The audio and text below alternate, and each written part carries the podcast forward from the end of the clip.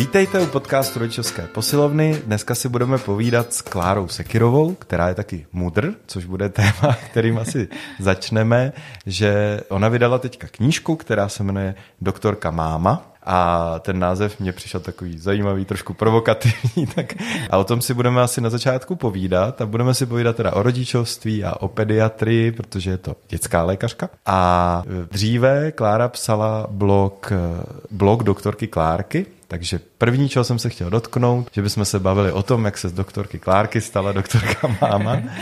Dobrý den, Kláro. Dobrý den, děkuji za pozvání. Takže já bych se zeptal možná tou první otázkou, jak se z doktorky Klárky stala doktorka máma a proč vlastně doktorka Klárka a doktorka máma? No, on to byl docela zajímavý předot. Doktorka Klárka uh, jsem byla asi 6 let uh, po promoci, kdy jsem si zvolila cestu té pediatrie. A vlastně potom se nám narodil uh, před uh, rokem a půl uh, syn Štěpánek. Takže automaticky nějak doktorka Klárka šla do ústraní a na scéně teďka doktorka máma. Mm-hmm. A to byl teda doktorka Klárka, byl blog, jestli jsem to ano, dobře pochopil. Ano. Mm-hmm. A tam jste psala teda o čem tehdy? Tam jsem taky si vybrala pediatrická témata, které mě zrovna tak napadaly. Bylo to, bylo to nahodile, ale získala jsem nějaký pocit, že bych chtěla psát pro lidi, že už mi nestačí si psát jenom nějaký deník, ale chtěla jsem eh, to spojit i s tím, co umím a proto jsem začala psát trošičku odbornějším směrem. Mm-hmm. A takže psaní je pro vás nějaká taková psaní jako je... způsob čeho? Psychohygieny ano, nebo ano, sebereflexe? Taky, nebo jak by se to dalo nazvat? Jako co, co to psaní pro vás znamená? Mě hrozně baví psaní, jako od jak živa. Já jsem, já jsem ten člověk, jak doma má 20 denníků. První je takový ten v první třídě, který, který jsem polepila spíš obrázkama, ještě jsem neuměla moc psát a poslední už je takovým škrabopisem, tím lékařským. A pak, je, pak jsem si zapisovala do počítače a já pořád něco píšu do diáře a získala jsem nějaký takový pocit, že bych chtěla psát prostě, aby to někdo četl. Mm-hmm. Tak. Mm-hmm. Takže takový nejdřív od zápisku typu byli Přesně. jsme na výletě, dali jsme si ano. pistáciovou zmrzlinu, byla dobrá. vlastně každý den ten zápis vypadá stejně, to, co jsme měli k obědu a k večeři a co a postup, jsem dělala. Přesně. Ale to možná hezky kopíruje i vývoj mozku, ne? Ano, jako, že nejdřív to dítě je schopný vůbec zachytit realitu a zachytit nějaký Já do těch úvahy, linků jako strašně fakta. ráda nahlížím, ale musím říct, že pak už jako mám problém s tím to po sobě přečíst, no.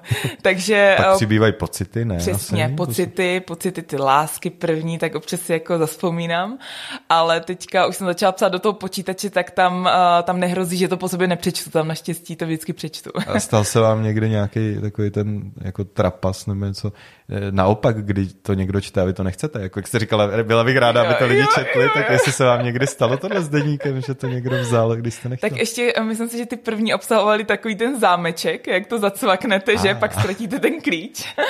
No, ale ne, ne, ne, naštěstí jako uh, u nás v rodině se vždycky respektovalo to soukromí. Mm-hmm. Když manžel teďka uspával u nás syna, říkal, že do jednoho nahlédlo.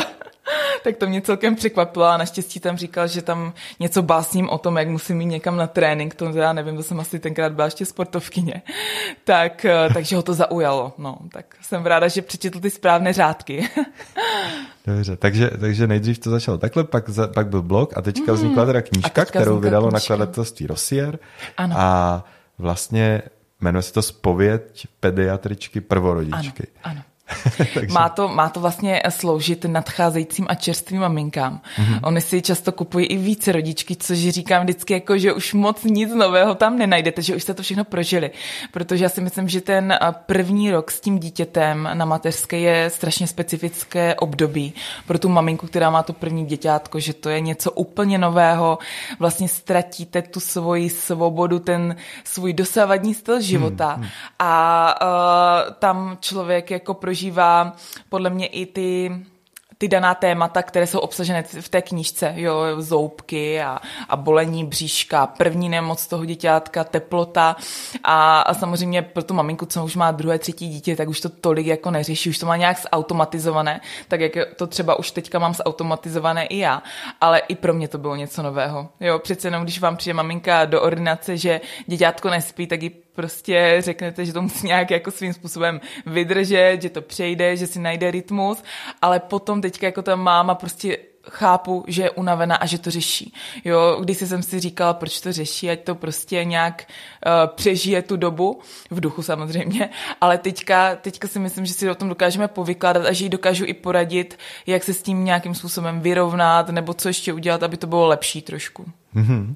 A mně, mně se líbí ta symbolika na obálce, ano. která se toho dotýká, o čem mm. mluvíme, že tady je, jsou brýle a pak je tady jakoby ten kříž medicínský ano. a pak je tam srdce v tom ano. druhém oku, nebo v tom druhém té čočce. Ano, ano. A Můžete o těch symbolech něco říct? Proč, proč brýle? Proč, jo, uh, já jsem, co to srdce? Já jsem uh, od nakladatelství dostala smlouvu. Vlastně, když bylo jasné, že jí vydají tu knížku, tak jsem byla nucená, nebo nucená, uh, dostala jsem autorskou smlouvu na podpis. Jasně.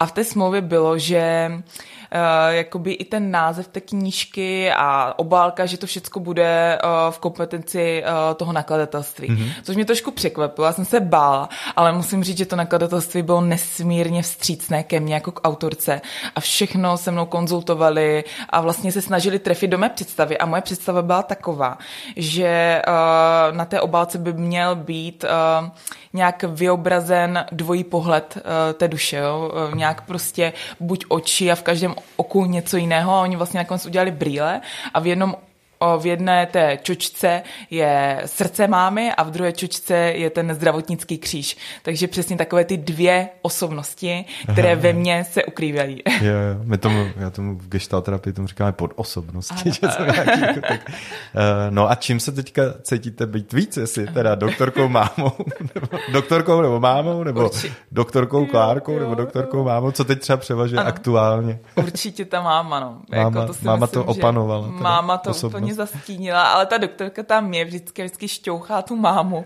ať jako něco udělá jinak, než dělá. Takže určitě jako ve mně to je uh, hluboce zakořeněné, ale ta máma teďka úplně převažuje. A co pro vás vůbec jako znamená, že doktorka je nějaká role, vzdělání, diplom, mm. co to je pro vás ještě teda, vy s tím asi teda země pracujete ještě trošku jinak, možná tady určitě, v těch určitě. názvech, nebo ano, co, co ano. to ve vás teda je ta osobnost? Ano, já se snažím. Co je pro vás jako, to léčení? Nebo ano, ta, ta, já se medicína? snažím poličtit tu pediatrii i pro ty rodiče. Snažím se o nějaký nový přístup, aby se ti lidi cítili dobře, aby ty děti se cítili u nás dobře, aby to bylo takové, jako že já jsem jejich kamarádka, jo, že uh, i myslím si, že pediatrie je v tom trošku specifická, že nemůžete úplně být na toho člověka nějaký strohy, nemůžete uh, ho zahodit odbornými názvy, přece jenom ty děti tomu nerozumí. Ty, ty děti, já se snažím i zapojit uh, do toho ty mhm. děti, mm-hmm. do procesu léčení, říkat jim, co se bude dít, protože když to vysvětlujete té mamince, tak to dítě vlastně na vás kouká a neví, neví, co se mu bude dít, že jo? A představte si sebe, když přijete k doktorovi a někdo vám bude mluvit, uh, nebude mluvit k vám a nebude vědět, co se s váma bude dít, jo? To já jsem klasicky zažila ještě na studiích, nevím, jsem byla na Gimplu, bylo mě ucho a šla jsem na pohotovost a teďka ta doktorka na mě brala nástroj. Já jsem vůbec nevěděla, co se bude dít.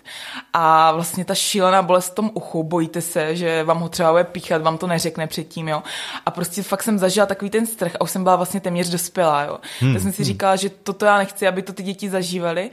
A právě proto se snažím i s něma komunikovat. Samozřejmě musíte tomu uspůsobit jazyk, slova, ale myslím si, že to krásně jde. Mm-hmm. A kde myslíte, že se to ve vás vzalo, tenhle přístup? Protože vlastně nemá ho asi každý, nebo ano. všichni známe, že nevždy je to jo. součástí, tak jako je to z rodiny, je to mhm. nějaká, os... jak to berete teda ano. pohledem ano. medicíny třeba, kde se vás vzal takový... Tak uh, můj táta je pediatr mm-hmm. a myslím si, že jako skvělý, velice oblíbený, že právě je známý svým lidským přístupem, aha, aha. jakože ho lidi mají moc rádi. A teda můj brácha je taky pediatr. tak vy jste taková rodina z řemesl, no. od řemesla. Ale myslím si, že se to ve mně, já si musím říct, že jak jsem začala pracovat v nemocnici, neměla jsem kde moc to odkoukat, ale že se to ve mně nějak jako probudilo samo. Jo, jo, že mi to prostě jde mluvit s lidmi a mluvit s těma maminkama, nechci se chválit, ale mám pocit, že to umím vlastně se naladit na jejich vlnu a komunikovat s něma. Tak a jestli jsem to teda pochopil, tak vás různě zajímají různé přístupy v rodičovství a že to je to další vzdělání, který, jestli to jako dobře vím, abych nekřivdil, tak na medicíně se o něm asi moc nemluví, nebo ne, zatím, vůbec, nebo je to takové... Vůbec. A m, jako mám pocit, že vás to rodičovství vlastně nezajímá, když se vás to netýká, nebo mě hmm, aspoň hmm. na té medicíně, že jo, zajímaly ty diagnozy, ta terapie a, a ti pacienti a strašně to bylo všechno zajímavé a nějaká taková jako uh, bolení bříška, jo, uh, na, nadýmání toho miminka, to vás prostě v tu chvíli vůbec nezajímá. Jo. Jako toho, ani, ani toho mladého lékaře prostě to chce po té škole vtrhnout do té nemocnice, ty tam všichni zachránit. Jo, že prostě tady na ta témata se podle mě ladí až ten člověk, kterého se to rodičovství týká. Mm-hmm. A vy teda hodně v popisu té knihy a tak mm-hmm. říkáte, že jste teda byla ta doktorka, už jste pak pracovala teda jako pediatrička, jsem ano, dobře ano. pochopil, a že jste vlastně pak měla vlastní dítě a že jste mm. si říkala, jak to budete dělat, že to máte nějak jako znáte, co to přináší a že se to dost rapidně změnilo.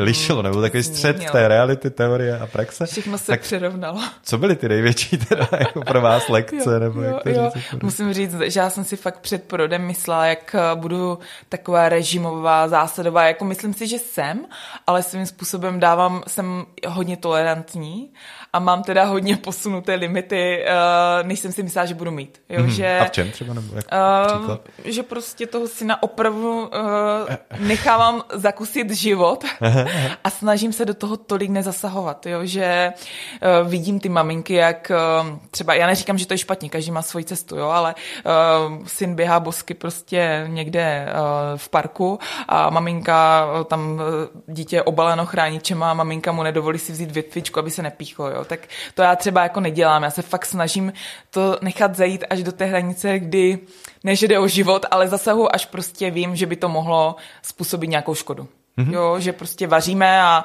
uh, syn chce na sebe, uh, chce, chce si ochutnat sůl, tak já mu neříkám, to ti nebude chutnat, ale prostě nechám ho to ochutnat, ať to zjistí sám, protože jsem zjistila, že když mu řeknu, že mu to nebude chutnat, takže to nemá absolutně žádný efekt. Takže se vám hodně jako pak měnil ten teoretický pohled s těma zkušenostmi, jestli to rozumím, a že jste sama sebe trochu překvapila někdy. Ano. ano. A možná by se to dalo i třeba, když říkáte nechat ho v parku, nevím, šahat na věci, běhat bosej, možná se to dá i nějak pak zpětně zase vysvětlit, v čem to může být dobrý i z těch současných poznatků nějakého jako medicínského nebo mm-hmm neurobiologického, nebo, já nevím, nebo in, imunologického jo, přístupu jo, třeba. Jo, já si myslím, že to dítě prostě potřebuje ten svět poznat všema smysly. Mm-hmm. Potřebuje očima, potřebuje si čuchnout, nahmatat a že prostě, když říkáte tomu ročnímu nebo rok a půl starému dítěti něco, eh, čemu oni nerozumí, tak eh, prostě on se na to potřebuje přijít sám. Mm-hmm. No a co takový to právě jít přijít do kontaktu se špínou a tak jak to vidíte vy z pohledu jo. lékařského? Že se Taky vlastně, jsem to přirovnala tady taky mu spadne rohlík do bláta nebo něco, jako jo, dovolíte mu Já si dělám sradu, já se vždycky dívám, jestli je někdo kolem, ale uh, tak jako já prostě nechávám toho syna jako zimunizovat, no. Mm-hmm. jako nemám na to úplně, uh, jako samozřejmě nemám na to vyhraněný názor, jo, jako měly by tam být asi nějaké hranice, nenechám ho sníst, uh, já nevím, uh, zákusek ze křoví, jo, to fakt ne, aby nestal Jasně. nějakou gastroenteritidu, ale, ale prostě taková ta zdravá špína, to prostě neřeším. Jo, jo. No. Já nevím, je to takovým pozorováním prostě mm. přišlo, že že to stejně právě moc jako nefunguje, ten přílišný důraz na ty, no, na tu no, dezinf- no, že no. naopak, že to je kolec kdy. Prostě rýmu má o, od podzimu do jara, to už taky neřeším, jo, takové banální prostě záležitosti a, a jinak to nechávám být. Hmm, hmm. No, a když třeba já, mě, by, mě vždycky zajímalo, jako kdy, kdy vznikne opravdu reálně nemoc z nachlazení. Jakože, mm. Jak všichni, vem si čepičku, no, kdy, kdy no. to prostydnutí opravdu jako ale už ono, je ono často taky vzniká z přehřátí, že? že? Že vlastně my ty děti navlečeme, ale oni se jako reálně fyzicky vydají, jo? že uh, oni se hýbou ještě víc než my, že když si vemete, vyjdete ladným krokem po parku, ale ono kolem vás pořád běhá, takže ono se spotí a vlastně potom, já nevím, odhodí čepici a vlastně mnohem s nás se prochladí, než když byste ho oblékli tak, jak sebe třeba. Mm-hmm. Jo, ono se vlastně doporučuje ty děti, pokud se fyzicky opravdu hýbou, uh, dávat jim tolik vrstev, kolik dáváte tomu dospělému. Jo, jo. Jako myslíte, jako když vy jdete a aby vám nebyla zima, ale jdete teda tím svým tempem, takže ano. to dítě má mít zhruba stejně nebo jo, míň teda? Stejně, tak, tak stejně, abych řekla. Aha, jo, že on to zase dožene tím mm-hmm. pohybem. Jo, teda. jo, určitě, určitě. Jo, to, to, zajímavý to se prostě uh, liší třeba, že když nám dítě leží v kočárku, tak jasné, že potřebuje větší teplo na nožičky, hlavičku, uh, tam to prostě, uh, to se fyzicky ještě nehýbe, takže to se potřebuje víc oblíc, ale to dítě, které už je aktivní, tak tam už bychom měli ubrat trošku.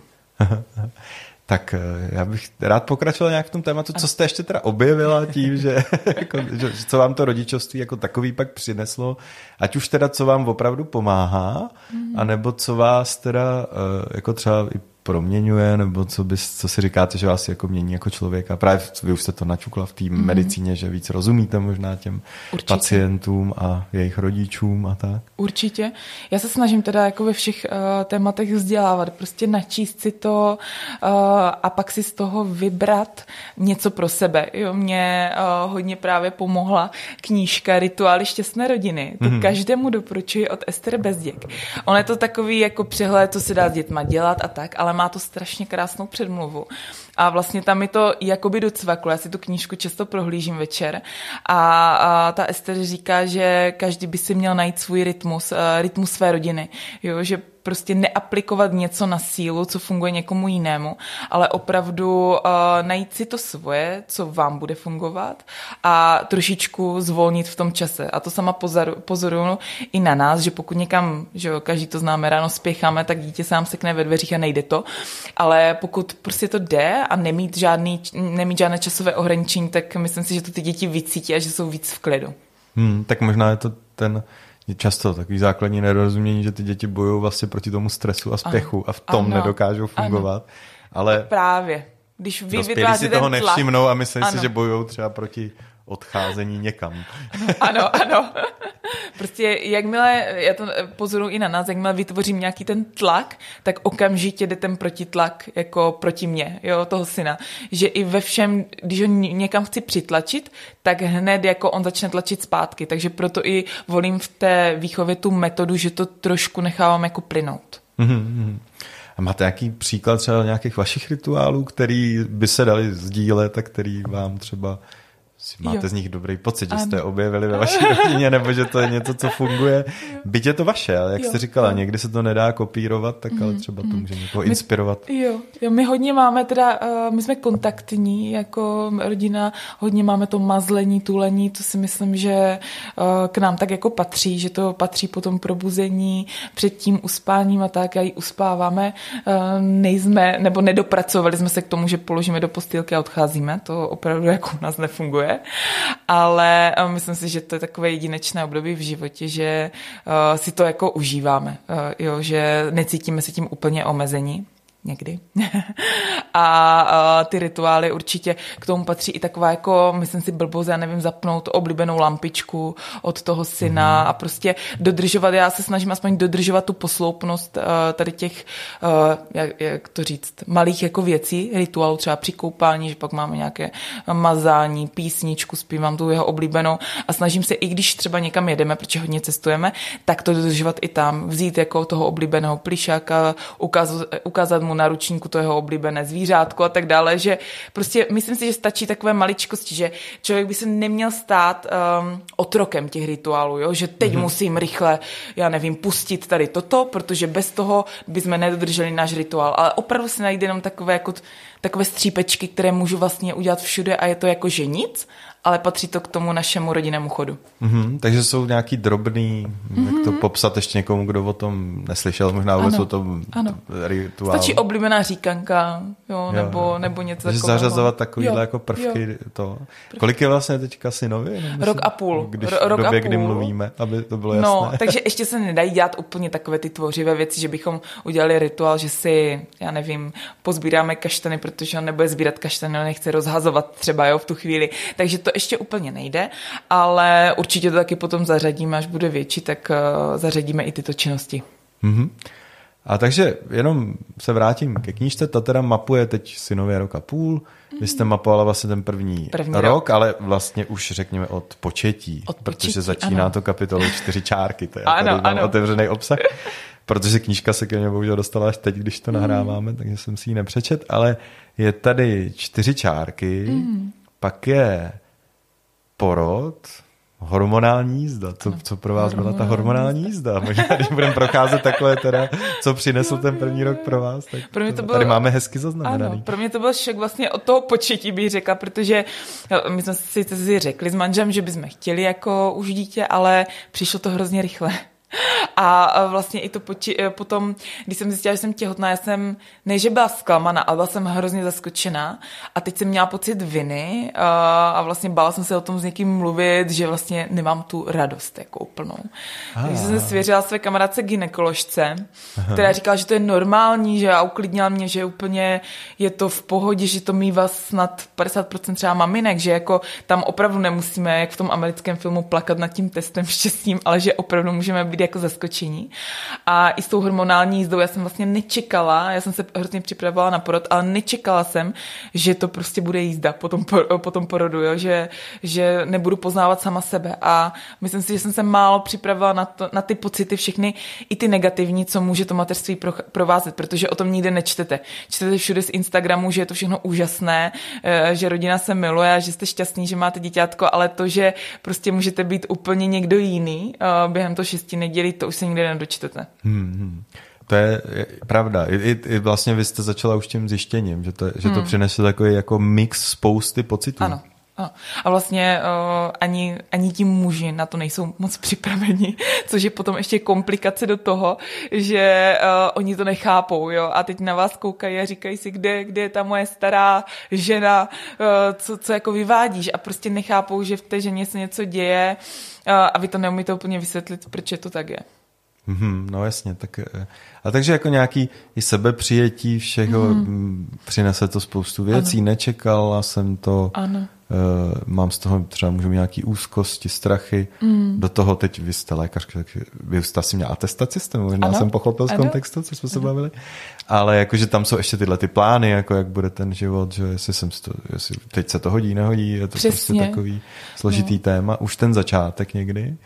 A vy mluvíte pak o tom, co ještě se začne měnit v té psychice. Mm. A já, jelikož občas terapeuticky pracuji s rodičem a v různé fázi už od těhotenství, nebo mhm. některý klientky třeba potěhotní v průběhu, tak, tak eh, přináší to zajímavý témata. Teď jsem se bavil asi se dvěma i o takovém tom říkat to neříkat. To tady možná není v knížce, ale jak třeba možná to taky mě překvapilo, jak moc je to velký téma, jako jestli mám lhát někde, že nepiju víno, protože uh, nevím, držím dietu, ale všechny kamarádky už to vědí ano.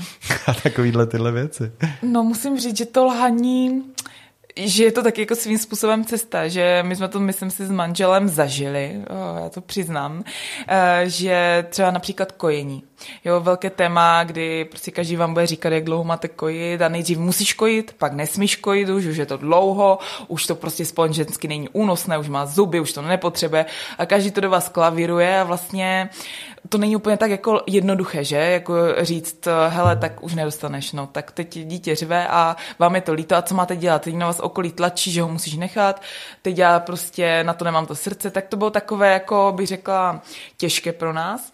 A okolí teda dost tlačilo eh, svým způsobem, že už bych kojit neměla a my jsme se prostě s manželem jednoho dne dohodli, že prostě budeme říkat, že jsem přestala kojit. Jo. Mm-hmm. Že to, eh, ten odstav, my jsme to plánovali, ale snažili jsme se najít tu vhodnou chvíli, kdy na to prostě to dítě bude zralé, protože nám se to celkem rychle podařilo přes den odstavit a šlo to úplně bez problému, ale protože my jsme prostě poznali, že už jako je doba, kdy už by to mělo přestat protože už to bylo takové jako celkem i pro nás neúnosné. A ta noc ještě tak přetrvávala, ale nám to svým způsobem vyhovovalo. Jo? Byla to rychlovka, večer pět minut, malý spal, my jsme si mohli užít večer a nechtěli jsme to úplně měnit. A přes noc jsem třeba dvakrát nakojila, prostě nic řekla bych, že to furt pro mě mělo větší benefit, než se trápit s odstavem.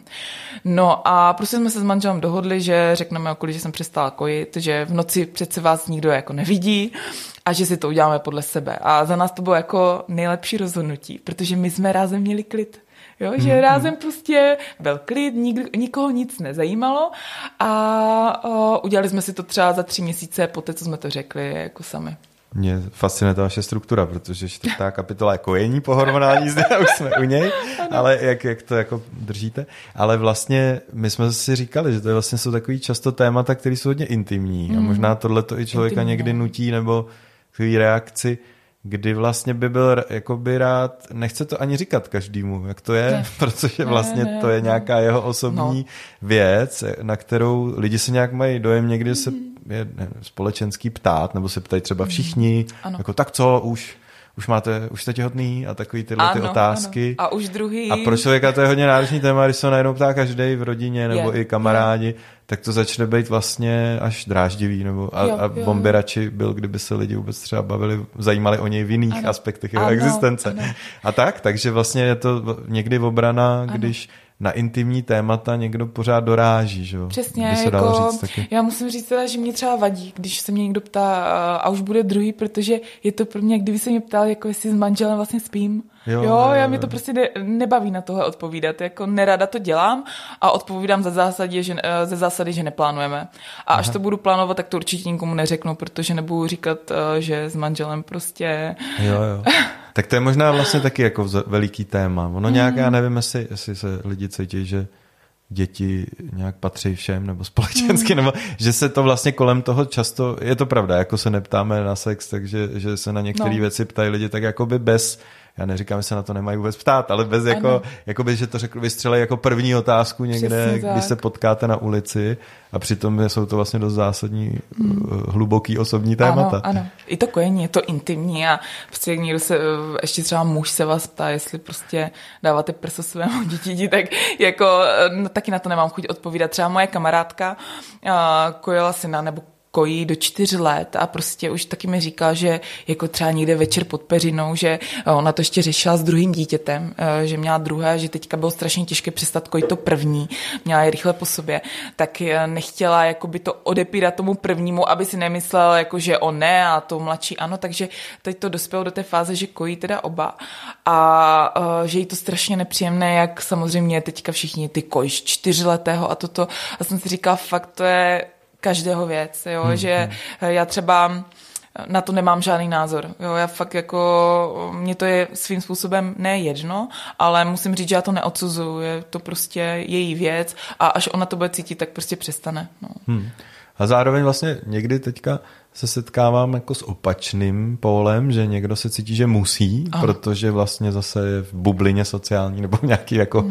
že teď se vytváří velká zase jako podpora pro to kojení a někdy to zase vede k tomu, že se cítí špatně ty lidi, kteří buď nemůžou, nebo ano, nechtějí, ano, nechtěj. nebo už je to pro ně mm. náročný, mm. nebo někdy právě už je to pro ně náročný, ale nechtějí přestat, protože mají dojem, že, že to je špatně mm. vlastně a pak jdou nějak zase proti sobě, že to, že to mhm. vlastně má obě ty roviny, ano, jako že nějak nevol pustit sebe, nebo já nevím, jak to říct, mm. možná jako... Já myslím, že obecně i dokrm třeba v těch prvních dnech, když mamika ještě není rozkojená, že je hodně demonizovaný, jo? že opravdu, když to děťátko pláče hlady a teď ta maminka ještě není rozkojená, tak uh, myslím si, že to není nic špatného, není to žádné selhání té maminky, jo? že mu dá ten dokrm a prostě pak se rozkojí, je všechno v pořádku. Ale i samozřejmě i to, jak tlačíme na ty maminky. Myslím si, že hraje tam určitě roli uh, ty hormony a hraje roli to, že ta maminka má pocit, že nenaplnila potřeby toho dítěte, že nedokáže jako mu dát tu potravu, uh, to svoje mm-hmm. mlíko, takže to si myslím, že hraje velkou roli, ale pak samozřejmě to, ten tlak okolí, jako že musíš a je to to nejlepší, jako někdy to prostě nejde a myslím si, že umělé formule jsou na tom dneska tak, jako kvali, eh, tak kvalitně dobře, že, uh, že není žádnou ostudou nebo není horší máma, když dává umělou stravu dítěti. Mm-hmm. Vy se právě v té knížce vždycky snažíte jako doplnit nějaký fakta, které jsou ano. z té medicíny, nebo co už víme, mm, jako nějak mm. tak jako jsou vyskoumaný nebo něco, versus nějaký ten osobní prožitek, ano, pohled ano. a pak možná i prožitek okolí mm. a pak taky se, se na to díváte pohledem i vlastně třeba toho jako druhé, jakože jste ta, ta doktorka, tak tady píšete pediatr u pediatra, další ano, kapitola. Ano. A to je možná jako taky velký téma v těch počátcích, mm. někdy se to táhne celým tím dětstvím, vlastně ty návštěvy lékařů, když dítě něco bolí, brečí, nespolupracuje. Ano. Vy jste to asi zažívala teda z té ano. druhé strany. Ano, a jsou to často další situace asi pro všechny. A jsou, tak jsou. já jsem říkal, že možná zajímavý se chvíli bavit o tom, jaký to, jaký to je a jak, co těm dětem pomáhá a možná co může pomoct rodičům, i když se setkají třeba s nějakou nevstřícnou eh, nestřícným zdravotním personálem, ano. nebo jak to nazvat, který říkají, ten je nějaký divný, on tady řve, jiný děti neřvou, nebo něco takového. Srovnejte si ho. Já snad doufám, že u pediatra už tohle není, že ti pediatři mají obecně pochopení, protože samozřejmě těch dětí, které, když se cítí nekomfortně a ještě něco bolí nebo jsou nemocné, tak prostě pláčou. Jo? To je taková ta přirozená reakce, na kterou my jsme zvyklí, jo? že těch uh, dětí tam mám denně několik, uh, co prostě nejsou naladění, to, to je mm-hmm. jasný. I ty prevence, já nevím, taková ta nejméně oblíbená prevence je rok a půl, jo? že těch 18, to 18 měsíční dítě to opravdu většinou nevyšetřitelné, jo? to s váma nespolupracuje, nespolupracuje s tou maminkou, ani na nás ne, nenechá jako nic prohodit, jo? ta diskuze je strašně omezená. Takže uh, to jsou takové ty těžké, náročné období, uh, kdy to dítě prostě neposlouchá v tu chvíli. To, to je naprosto normální, ještě v tom cizím prostředí. A jak si s tím poradíte, když se s tím setkáte? No, Jste říkala, že už zase občas já mám krabici ordinujete teďka? jo, jo. Třeba den v týdnu. Jo, jo. Tak myslím si, že už nějaké ty postupy znám, jak, jak si získat to dítě, ale samozřejmě někdy to prostě nejde. Jako to, uh, tak uh, snažíme se s maminkou vyřešit to nejnutnější a když to dítě tam pravidelně dochází, znáte ho, je třeba častěji nemocné, tak já už jako vím, jak, uh, jak vypadá, jak se chová a tak dále, tak uh, to prostě řešíme tak, jak se dá v tu chvíli. No a co byste řekla třeba rodičům, co je dobrý, teda myslíte jako když se jde k doktorovi, jak ty děti třeba připravit, nebo jo, jak v té čekárně s někteří tím pracovat. Jsou, musím nebo... říct, někteří jsou ideálně připraveni, že oni si hrajou doma na doktory, jo. Jako, a to je super, že ty děti pak jako otevřou tu pusinku. Já se snažím třeba nejdřív vyšetřit tu maminku, jako třeba jí říct, ať otevře pusu, pak otevře pusu to dítě. To je, to je strašně funguje, nebo dítě si veme klace, ten klacík do, do krku a vyšetřuje si samou tu maminku, takže to je fajn, že si to tak jako ošahá. Z nějakou hru teda, že Přesně, nad tím získá nějakou, mm, nějakou mm. jako znalost, jo. možná i kontrolu trošku, že vědí, ano, co se ano. bude dít. Jste říkala, takový to vím, co se taky bude dít. Jo, to je super. To prostředí je zvláštní, ano. je tam nějaký člověk ano. někde My máme hodně plášti, barevné ty ordinace, takže to je, já nenosím bílý pláž, já chodím v civilu zásadně, takže to je taky takový dobrý tah, si myslím. Uh, super jsou, že jsou oblíbené hračky v čekárně, třeba i na Vánoce tam máme uh, vánoční strom a z toho si děti můžou brát tu kolekci, takže to oni milujou. Takže myslím si, že takhle se snažíme trošku tu atmosféru jako odlehčit. Aha, aha. A myslím si, že i ví, že s každou návštěvou nepřijde ta bolest nebo ten nepříjemný uh, prožitek, že, že opravdu jako uh, to může být jak, i pěkná návštěva. Dostanou nějakou odměnu, jo, jo. Že, že můžou chodit i rádi do ordinace. Takže je dobrý chodit i na ty preventivní ano, věci, nejenom ano. když něco bolí, aby ano. člověk neměl strach z doktoru, tak, nebo dítě, tak, aby neměl jo. strach z doktoru. Je to pravda, my jako jsme chodili pravidelně k zubaři a oni tam třeba něco dali a tak a oni vlastně návštěvu zubaře měli jako rádi, rádi a pak když došlo na to, nebo rádi, jakože nebylo to nic špatného, jsme si četli, pak tam někdo na ně koukl a pak jsme, nevím, někam šli ještě všichni a vlastně uh, i pak to pomohlo, když syn si někde zlomil zub a museli mu ho udělat znovu a už byl větší, takže vlastně opravdu k tomu ano. neměl už nějaký, nějakou hrůzu, tam nejdu ano, a tak. Ano. Myslím si, že i když ta maminka se třeba cítí komfortně v té ordinaci, že to jde poznat. I ten klid její, jo, že uh, určitě je strašně důležité vybrat si pediatra, se kterým já souzním, se kterým jsem na nějaké podobné vlně, se kterým si rozumím. Jo, snažím se, já z začátku většinou i probereme nějaké témata, jak se mají a já nevím, co dělali třeba o víkendu, já se často ptám těch dětí, nebo co mi nakreslili, nebo tak, že uh, zabředáváme i do těchto tématů, že se nevěnujeme, pokud to časově je nějak zvládnutelné, že se nevěnujeme jenom té medicíně. Mm-hmm. Rozumím, takže vlastně nějaká jako často může být tam nějaký jako vlastní úzkost těch rodičů třeba z toho, co určitě, se bude dít. Určitě, takže... určitě. A pokud samozřejmě ten člověk nebo ta maminka jde jako do ofenzívy a prostě e, chce jiný postup a většinou třeba ona s váma bojuje, tak už je to pak o to těžší pracovat s tou maminkou a do toho ještě se věnovat tomu dítěti, tak je to prostě... Pravda, že vy těch stran tam máte ještě komplikované. Víc, ne? To není jenom o jednom člověku, ano, který ano. Potkáváte. Mm-hmm. Aha. Asi chodí i tatínci, než vy říkáte maminka, chodí, tak chodí tatínci. Jenom, já se vždycky já zastávám Já nechci diskriminovat, chodí i tatínci. ne, ne, ne. A, no a že jsou právě nějaký úzkosti myslím, že spousta věcí teda může vznikat i z té jako obavy, nebo já nevím, velký téma, kterýho já se taky trošku zdráhám dotýkat, je třeba očkování, očkování a taková ano. jako mm. okolo něj spousta různých možná protichůdných názorů a, mm. a a tak, ale že Určitě. A třeba někdo z toho má velikou úzkost, kterou pak přiživí, že si přečte spoustu ano. teorií, kdy vlastně to zní, že když tam půjde, tak skoro na půl jeho dítě jo, už nikdy jo, nebude, já nevím, ano. něco. Takže že to může tu úzkost jako mm. živit hodně, mm. ještě některé informace, mm. tak jenom, že s tím se taky potkáváte Určitě. někdy. Ne? Jako je fajn třeba uh, to očkování probrat i před porodem, když jdete na tu první schůzku tomu pediatrovi říct, jaké máte představy, uh, pokud jste úplně zásadně proti, tak trošku se o tom pobavit, protože uh, samozřejmě někdy není úplně prostor potom, když vám to dítě pláče v náručí, tak ptát se tam na nějaké ty vakcíny, už je to potom časově náročnější, ale uh, je důležité si najít prostor s tím pediatrem a opravdu uh, probrat to, co vás zajímá, klidně si otázky napsat předem na papír, ať na nic nezapomenete. A uh, myslím si, že uh, lidé často mě mají strach té nevědomosti, že o tom neví tolik informací. A ten lékař je tam o toho, aby vám to řekl. A já často, ne že přemluvím ty lidi na to očkování, ale jim řeknu všecko, co, co si myslím, že by měli vědět. Já jim řeknu i ty rizika, řeknu jim pro a proti. A oni se pak často rozhodnou, že pro, třeba i jako zarytí uh, antiočkovací uh, vakseři, no. vakseři, ano, antivaxeři, uh, tak se pak rozhodnou, že to vlastně chcou naočkovat, ale já jim opravdu řeknu jenom fakta pro a proti.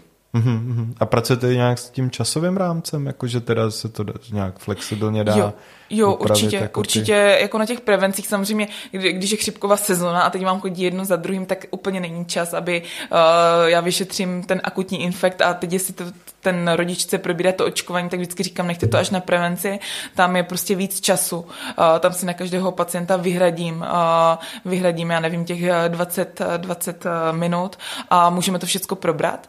Takže pak je samozřejmě lepší to třeba vzít při té prevenci. Ať už třeba klidně té první, druhé, jo, to nemusí být v den, kdy se to má očkovat, ale ti lidi se to třeba můžou promyslet a pak si objednat termín dodatečně. Mm-hmm. Dobře. Uh, co ještě koukám na ty témata ano. v knize, který, který, protože mě to přijde fakt hezký jako seznam toho, co, co člověk zažívá. Jako ty, ty, ty já mapy. jsem teďka zpětně ráda, že jsem to psala v tom čase, kdy aha, se to dělo, protože já jsem už spoustu věcí zapomněla. A samozřejmě už si nepamatuju vůbec nic, už mi to přijde, že to všechno bylo strašně růžové, ale když si nahlédnu do té knihy, tak tam je to všechno v tom da, v, dané, v daném čase sepsané, takže si myslím, že to je i autentické. Jako. No já myslím, že je to úžasný, protože mně se to právě líbí, protože to vnímám, že čím je člověk dál od některých věcí, tím si je hůř pamatuje a nemusí to být zas tak dlouho. Ano, ano. A já bohužel jsem si zas tak podrobnou mapu nedělal teda, jako těch svých zážitků a tak. A I když jsem trochu chtěl, pak jak hmm. víte to, no. Prostě če, přesně jste říkala, že s tím blogem, že postupně jste ano. hledala jinou formu, protože vlastně taky je čl, eh, hodně zahlcení s tím Přesně. rodičovstvím. Takže to je hodně cený a mně to hmm. právě přijde úžasný, že právě spousta těch věcí se nezdílí z nějakého odstupu, že sdílejí to lidi, kteří v tom jsou hodně ponořený, anebo potom už zase zapomněli, jaký to bylo. Mm-hmm. takže je těžký to probrat s někým, ano. kdo to zná, rozumí vám a zároveň ještě si to dokáže oživit, takže mně se to právě zdá úžasný, já si myslím, že se o tom bavíme. Já si myslím, že právě i po roce jsou hrozně zajímavá ty témata v té dětské duši, že tam přijde to období vzdoru a teď ten mozek se vyvíjí a to dítě na vás začne reagovat úplně jinak, no ale bohužel už není tolik času jako se pisovat. To dítě čím dál méně spí. právě no. A, mě, a taky ty síly postupně taky můžou docházet. Ano, ano. co tak znám z různých příběhů. A tak vy jste tady, pak jste tady dotkla cestování, mm-hmm. to je mhm. zajímavý téma ano. v prvním roce. co prvním roce říkám, já jsem to nemohl mm. pročíst úplně, takže jo, jo. co tam máte o cestování taky o v knize? Cestování, co, co, čím tak, vám přijde zajímavý téma? Ten trend eh, toho cestování je obrovský teďka. A lidé často přicházejí zejména tak s tím blížící se létem, přichází do ordinace a ptají se, co si myslím o tom, že poletí s tím kojencem do Egypta, co si myslím o tom, že potáhnou uh, dvouletého, uh, dvouletou dcerku na Maledivě. A, a jako snaží se tak jako mi přijde trošičku uklidnit to svoje svědomí, že ví, že to úplně není dobře letět přes celý svět s tím miminkem, ale snaží se jako, abych já jim to posvětila, tu cestu. Nebo se naopak ptají za léky, co si mají brát sebou a tak. Já samozřejmě nikomu nic nezakazu, ale říkám doporučení obecné, že úplně v tom prvním roce života dítěte si nemyslím, že je dobré letět nebo že není dobré úplně cestovat velké dálky. Jo, samozřejmě oni se potom vrací s nadšení, že to bylo všechno fajn a dítě celou, eh, cel, celý ten led jako prospalo a tam jsou úplně jako jiná rizika. Jo, mně přijde, že uh, třeba epidem, epidemiologicky je eh, doporučené vlastně to cestování od tří let eh, života dítěte po Evropě, jo, z té svojí destinace, řekněme třeba z České republiky, přímý let někam. A pokud už máte někde přestup na nějakém mezinárodním letišti, tak to se doporučuje teprve od 6 let, protože tam se dítě už potkává s úplně jinými antigenama, to tělo dostává úplně jinou jako virovou nálož a ta imunita samozřejmě samozřejmě pracuje na plné obrátky. Takže teď samozřejmě já nikomu neříkám, ať do tří let života dítěte nebere nikam dítě letecky na dovolenou, to já si nedovolím nikomu takhle radit, ale já třeba taky si jsem vzala do Chorvatska, letěli jsme letadlem, protože cesta autem je pro něho absolutní peklo, ale říkám jim, ať aspoň za sebou má to základní očkování, protože uh, ten vzduch v tom letadle samozřejmě korzuje, tam dýcháte, protože tam dýchají všichni všechno v tom uzavřeném prostoru a na těch letištích se střídá tolik lidí, že to dítě se potká s úplně jinýma antigenama než uh, například v parku uh, v Opavě. tak mě tenhle rozměr vlastně moc nenapadal, to je, to je, to je zajímavý. A mě tam, já jsem, tak jsem tam nahlížel, jak mě zaujala ta myšlenka, že vlastně pro, pro ty děti je ještě relativně taky jedno, jestli jsou s rodičem uh, u moře nebo ano. na zahradě u bazénu, ano, ano. nebo něco takového, nebo na, na, jo, na procházce. Já, já jsem člověk, který miluje cestování a, a potom po rodu se cítil úplně jako v kleci, že jsem měla taky potřebu někam vět a furt jsem plánovala, ale musím říct, že my jsme s manželem ten první rok eh, věnovali tom, té České republice a že jsme objevili taková místa, že jsme si říkali, proč jsme dřív necestovali tady, eh, že se dá navštívit spoustu krásných míst i, i prostě na té domácí půdě. Mně to právě přijde i zajímavý jako z pohledu, já dělám tu výchovu bez poražených, tak si vlastně jako ty věci vzít za svíty, které jsou jako moje, že ne, neomlouvat si to, já to dělám pro děti teďka v téhle době ještě, ale ano. je to moje potřeba. Je to moje potřeba. A když už teda mm. případně dělám, tak eh, jako by postupovat tak, jako, že to je moje potřeba, ano, že, to, ano. že nemusím si to nějak mm. omlouvat, že, mm. že to je pro, pro něj nebo něco tak, že, že si tenhle pohled mě tam zaujal, že jakoby mm pro dítě to zas takový rozdíl ještě není. není je to spíš není. jako naše vlastní potřeba, se kterou nějak mm. pracujeme a mm. takhle je dobrý se na to dívat. Ale vy, když jsme u toho létání, tak vy zároveň jste nějak ještě letci, nebo vy se učíte lítat? Nebo, ne, ne, ne, ne, ne, ne. Já se neučím lítat, já už mám uh, pilotní licenci. Jo. Mm-hmm. Máte pilotní licenci, takže jste taky jste letec ještě ano, taky já jsem taky letec. doktora. A, a manžel je vlastně profesionální pilot. Mm-hmm. Jo. Takže pilotujete teda taky. Já, jako uh, já mám pilotní licenci na jednomotorová letadla mm-hmm. a na kluzáky jsem si teda dělala, když mi bylo 14 let, tuším, a to už teďka časově nezvládám nezvládám. To je časově náročnější, uh, to jednomotorové, eh, teda to, ty kluzáky, takže teďka se věnou jenom těm uh, už, už tomu motorovému letání. Tak to jenom jako když jsme zmínili ty letiště, jak jste to mluvila, mě se to připomnělo, že jste, ano, jsem to nějak zachytil. Ano, takže to máme takovou společnou zálibu s manželem a já jsem si teďka dodělala ještě status leteckého lékaře a to je vlastně uh, to to funguje tak, že každý člověk, který létá nebo se pohybuje nějakým způsobem ve vzduchu, ať je to rogalista, parašutista nebo letec, tak potřebuje osvědčení o zdravotní způsobilosti. A to vám může vydávat pouze kvalifikovaný lékař. Pomaličku bych už směřoval k závěru, ale ještě mě tam zaujalo téma narozenin. Co, narozenin. Co ty první narozeniny? To je možná někdy jaký takový jako velký téma. Velký téma. Myslím, že to je taky spíš pro ty rodiče ty první narozeniny, že samozřejmě je to velká událost v tom životě, protože člověk, mám pocit, že v tom prvním roce života počítá každý ten týden, jo, už má teďka 12 týdnů, teď už má 5 měsíců, že pak už přece jenom ten čas plyne tak jako jinak eh, po tom roce života dítěte a na ty první narozeniny se myslím těší celá rodina, uh, takže to je taková závěrečná kapitola uh, té knížky, uh, která to celé tak uzavírá.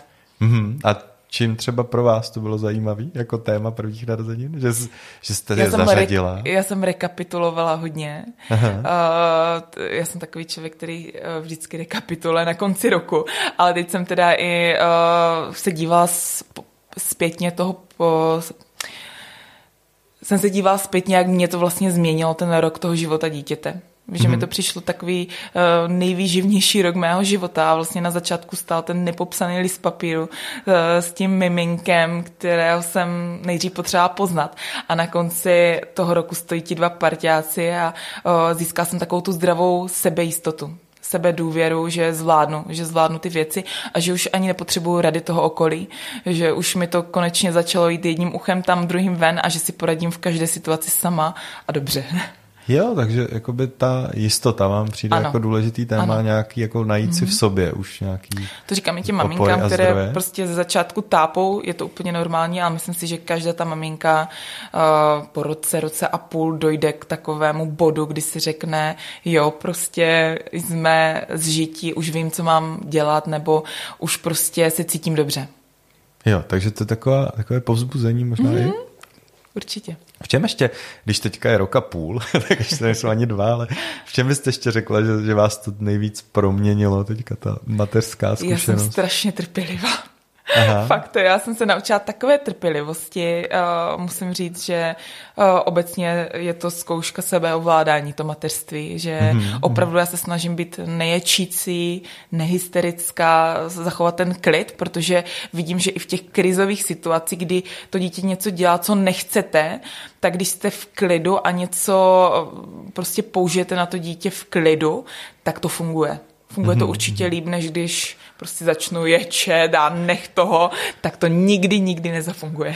No, to zní skvěle a je to někdy těžký. Je to někdy strašně Co vám nejvíc těžké. pomáhá teda se dostat do trpělivosti, do klidu, když to je, fakt, jo, opravdu. Třeba létat teda. Uh, no, ale musím říct, že uh, bylo i těžké jít poprvé do práce, protože jsem měla takový ten pocit viny, že já opouštím to tří měsíč, nebo, já, nebo měl čtyři měsíce, už nevím, jako šla jsem prostě na dvě hodiny do práce, ale měla jsem pocit, že opouštím své dítě a že jsem hrozná matka, ale vlastně mi to dalo ten pocit, že ten svět plyne dál a že já taky potřebuji žít uh, žít jinak a uh, svým způsobem se realizovat. Jo? Já, já teda nejsem ten rodič, který fakt jde do práce a zaklapne dveře uh, od pondělí do pátku a nechá to dítě na hlídání a ani jako nepreferuju jesle. Já si prostě myslím, že dítě do dvou let patří pod máminu sukni, uh, mm-hmm. bezpodmínečně. Ale myslím si, že tak každá maminka by měla zrelaxovat a neříkám, že musí do práce. Jo? Pro každého je relax něco jiného, ale ať už je to třeba běh nebo ať už je to film, je to prostě úplně jedno, ale musí mít tu chvíli pro sebe. No, tady bychom mohli říct to, co jsme chtěli říct. jako, že jsme si říkali, že ty podcasty svádí vlastně dělat rozhovory s těma akčníma ano, maminkama, který ještě do toho píšou knihy nebo mm-hmm. pracují, nebo nevím, točí filmy nebo něco. Ano. Že to tak trošku jaký eh, v, tom, v těch hostech se mi začíná projevovat, ale že vlastně si hodně vážíme i těch maminek, který jsou opravdu budují ten domov. Mm-hmm. Že to mhm. vlastně každý má nějaký svůj osobní příběh, mm-hmm. styl mhm. a nějakou i situaci a potřeby a mm-hmm. že to je mhm. vlastně možná to důležitý téma. Já bych jo. to teda jako zkusil takhle nastřelit, že vlastně ty mně to tak vyplývá, co říkáte, že vlastně poznat, jako, že dítě má potřeby, já se o něj starám, ale pak, že i já jako rodič mám potřeby a že je to v pořádku a že nějaký míře je zase potřebuji naplňovat a každý mm. je má trošku jiný a u každého je ten poměr nějak potřeba vybudovat a ano, cítit se v něm ano. dobře a mhm. aby i ty děti se v tom cítily dobře. Přesně, já musím říct, že mě moc líto těch maminek, které třeba mají pocit viny na té mateřské, že nic nedělají, protože naopak já to obdivuju, že se dokážou starat o ty děti, to je naopak přednost, že se jim dokážou stoprocentně věnovat a že tvoří ten domov jako ty opravdové mámy, že eh, musím říct, že to je úplně pro mě jakoby zlato, že ty maminky se umí nebo naplno ponoří do toho mateřství, že to není nic míň, ale naopak víc. Jo, jo, a oni většinou něco dělají, jenom možná to neberou.